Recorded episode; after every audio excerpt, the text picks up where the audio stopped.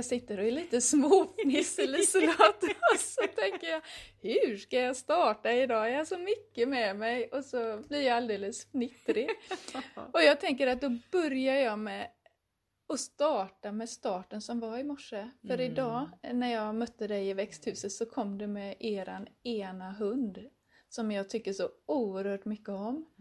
Att få eh, ha henne med eh, som bara finns där, som eh, kryper upp nära, som, eh, som läser av oss människor.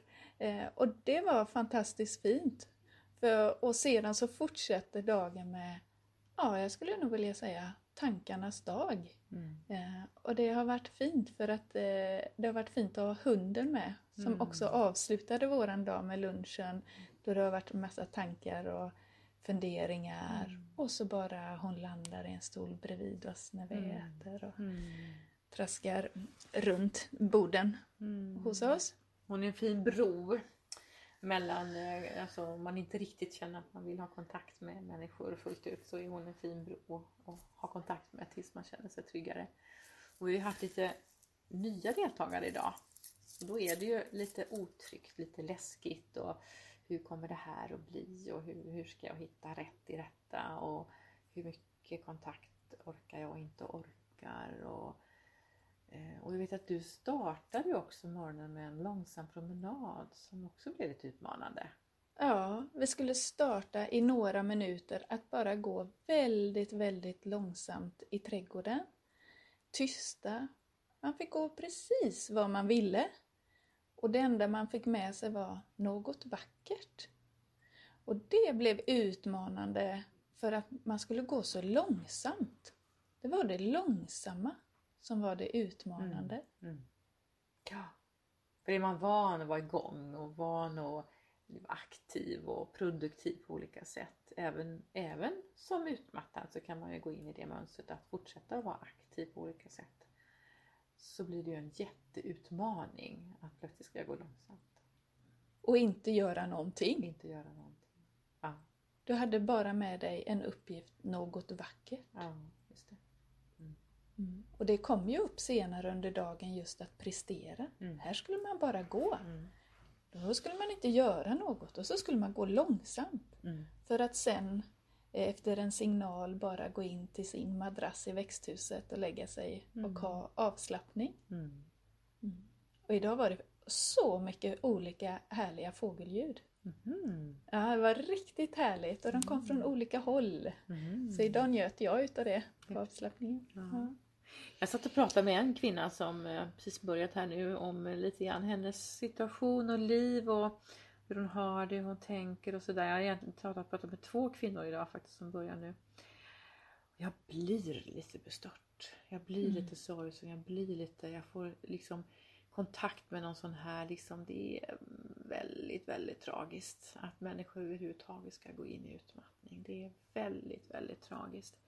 Så mycket smärta i kroppen och så mycket mm, sorg över att det har blivit. Men tänk dig själv om livet skulle stoppa bara plötsligt och inte du skulle fungera. Du kan inte tänka, du orkar inte röra dig, du har ont i kroppen. Att livet bara abrupt stoppar så här. Va? Det är ju en fruktansvärd grej. Jag tror inte det går att fatta det förrän man själv är i det. Alltså, jag tror det är svårt att fatta det. Men det, jag får kontakt med någon sorg, någon tragik, någon smärta liksom i det här att det här ska inte behöva ske. Det ska inte bara vara så här att vi behöver hamna i sådana här lägen. Så jag blir ju supermotiverad att jobba mycket på förebyggande och, och liksom hitta vägar och hitta sätt hur man kan verkligen fånga människor tidigare så att man inte behöver gå in i den här totala katastrofen. Eller kollapsen eller kraschen eller vad man ska kalla det för. Ja, jag skulle nog vilja säga kraschen Liselott. Ja, kraschen. Och precis som du säger, att man inte, man förstår inte eh, att det kan vända på en dag. Eh, och så kan man inte göra det som man alltid har gjort. Nej. Och som kanske har varit ett mönster om att det är så det ska vara.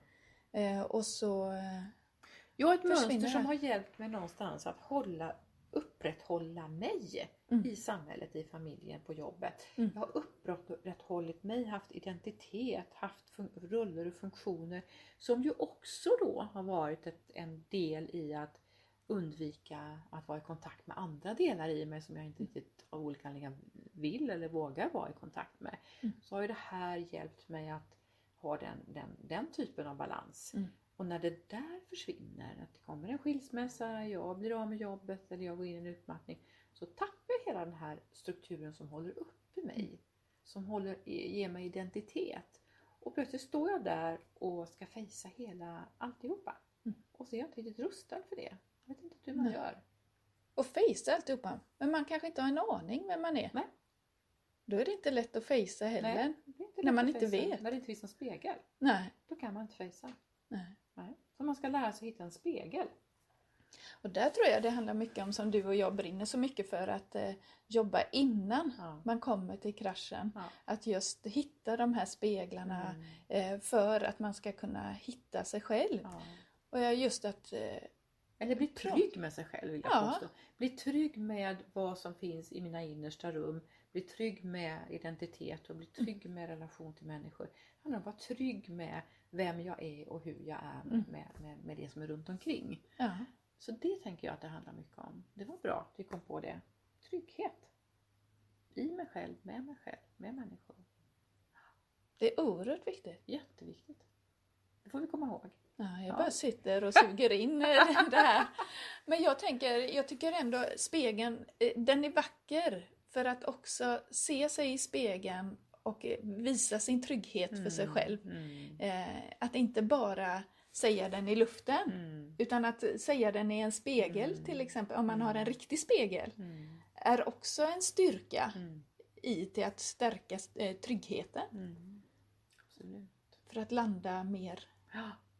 Ja. Jag pratade Mm. med en av kvinnorna ganska länge idag eh, och då så eh, pratade vi mycket om det här att eh, hon, hon nämner det som att hon har så mycket ångest. Mm. Mycket ångest och problem att sova. Det var också temat för båda två de här nya kvinnorna idag att de har jättebekymmer med att sova. Och sömnen är ju ovärderlig för att reparera hjärnan kognitivt. Eh, för att eh, komma ur en utmattning men för att också inte gå in i utmattning. Att vi sover så vi reparerar och lagar hjärnan på nätterna.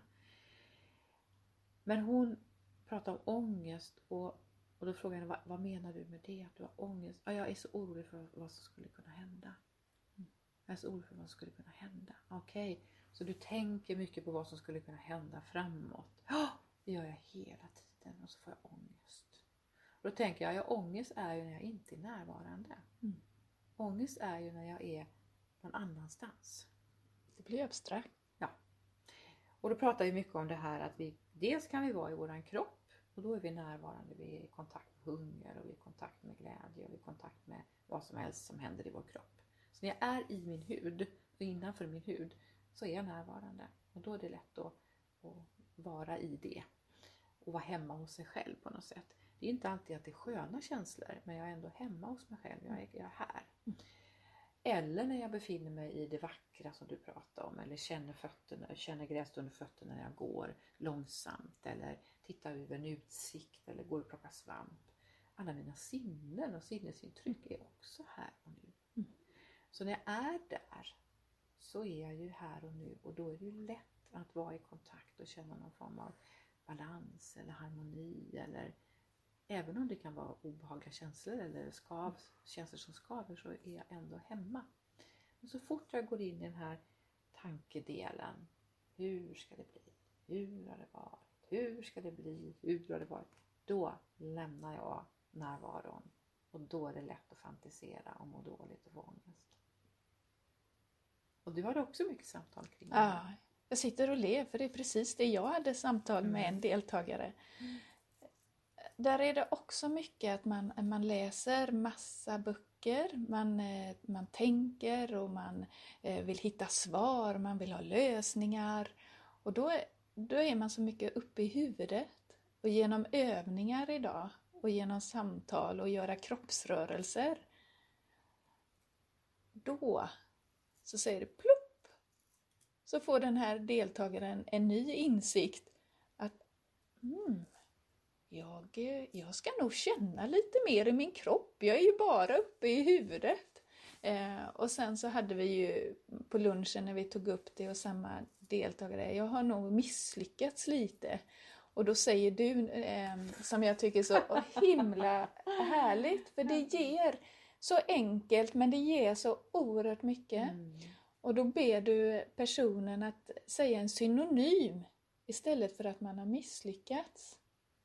Missförstått. Missförstått. Missförstått var det. Ja, Mm. missförstått var det. Ett annat ord Ja, för missförstått. Ja, Ja. jag har nog missuppförstått Ja. hur det ska vara. Ja. Eh, och då ber du personen att säga en synonym. Mm.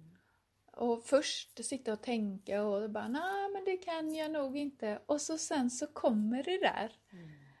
Ja. Jag har vidgat mina vyer Ja. hamnade vi till slut. Och så lös hela ansiktet. Jag har vidgat mina vyer, jag har fått nya perspektiv, jag har fått tillgång till delar av mig som jag inte hade förut.